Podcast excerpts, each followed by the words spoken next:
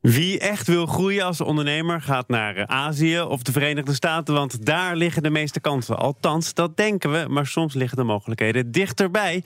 Komende week zetten we die plekken letterlijk op de kaart. Check daarvoor bnr.nl en dat doen we samen met Frans Nedersticht van de RVO, de Rijksdienst voor Ondernemend Nederland. In opdracht van het ministerie van Buitenlandse Zaken struinen zij dat buitenland af voor ondernemers. Goedemorgen Frans. Goedemorgen. Nou, we blijven even verstoken van het mooie weer. Want vorige week zaten we in Denemarken. Waar gaan we nu naartoe? Uh, we gaan nu naar Ierland. Dat is uh, ook niet echt een mooie weerlocatie, maar uh, wel ontzettend mooi, kan, kan ik je vertellen. Waarom gaan we dan naar Ierland? Nou, er is, er is, natuurlijk met Ierland iets bijzonders aan de hand. We kennen allemaal de, de Brexit-problematiek. Uh, de Groot-Brittannië treedt volgend jaar uit. Uh, Groot-Brittannië, of het Verenigd Koninkrijk, deelt eigenlijk zelfs nog een, een, een echte landsgrens ook met, uh, met de Europese Unie. Dat is natuurlijk tussen Noord-Ierland en Ierland. Veel over te doen geweest. En, ja. Ja, ja, inderdaad, nog steeds. Hè. En, uh, maar wat, wat ook belangrijk is, is dat uh, Ierland voor haar export enorm nauw verbonden is met, met het Verenigd Koninkrijk. En dat, dat levert een, een probleem op en een mogelijk logistieke hobbel. waar Ierland dus op dit moment heel actief mee, mee bezig is. Ja, want zij willen, neem ik aan, die hobbel, dat obstakel, gaan proberen te omzeilen. En niet slachtoffer worden van die brexit van hun buurland. Ja, ja, want uh, de, de, hoe de situatie nu bijvoorbeeld is. Uh, Ierland uh, exporteert ongeveer 15 miljard euro naar het Verenigd Koninkrijk. Maar ook nog eens 45 miljard euro naar de Europese Unie. en vier vijfde van die export um, naar de Europese Unie gaat via een Britse landbrug.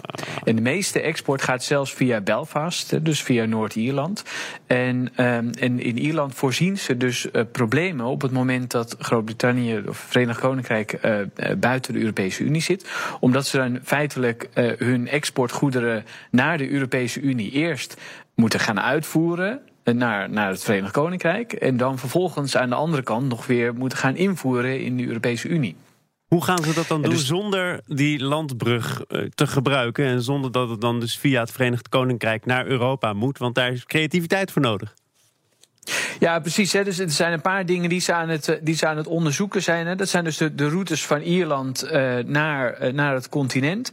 Ierland heeft zelf wel een aantal havens, maar dat, dat stelt eigenlijk, zeker op Nederlands gebied, stelt dat niet zoveel voor. Hè. Dublin en Laoghaire zijn er misschien nog de grootste, maar um, een haven als Rosslare, dat ligt een beetje in het, in het zuidoosten van Ierland. Dat is eigenlijk de dichtstbijzijnde haven voor het continent.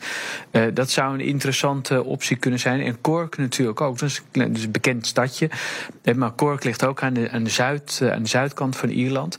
En dat zou met name ook nog interessant kunnen zijn voor, voor transatlantische routes richting Europa. Die nu bijvoorbeeld nog uh, van het Verenigd Koninkrijk gebruik maken om uh, als landingsplaats in de Europese Unie.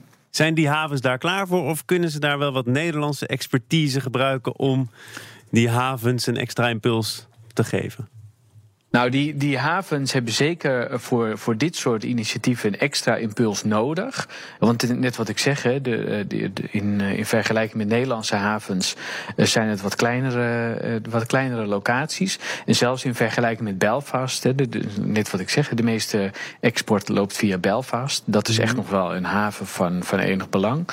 Um, maar, maar er wordt dus ook door Ierland gekeken van nou, hoe kunnen we die havens nu uh, beter uh, equiperen om ervoor te zorgen dat we die dat we voor logistiek dat we die landbrug via het Verenigd Koninkrijk eventueel zouden kunnen bypassen. Nou, en dat kan met Nederlandse expertise, maar er zijn ook Belgen die volgens mij hun kennis wereldwijd proberen te vermarkten.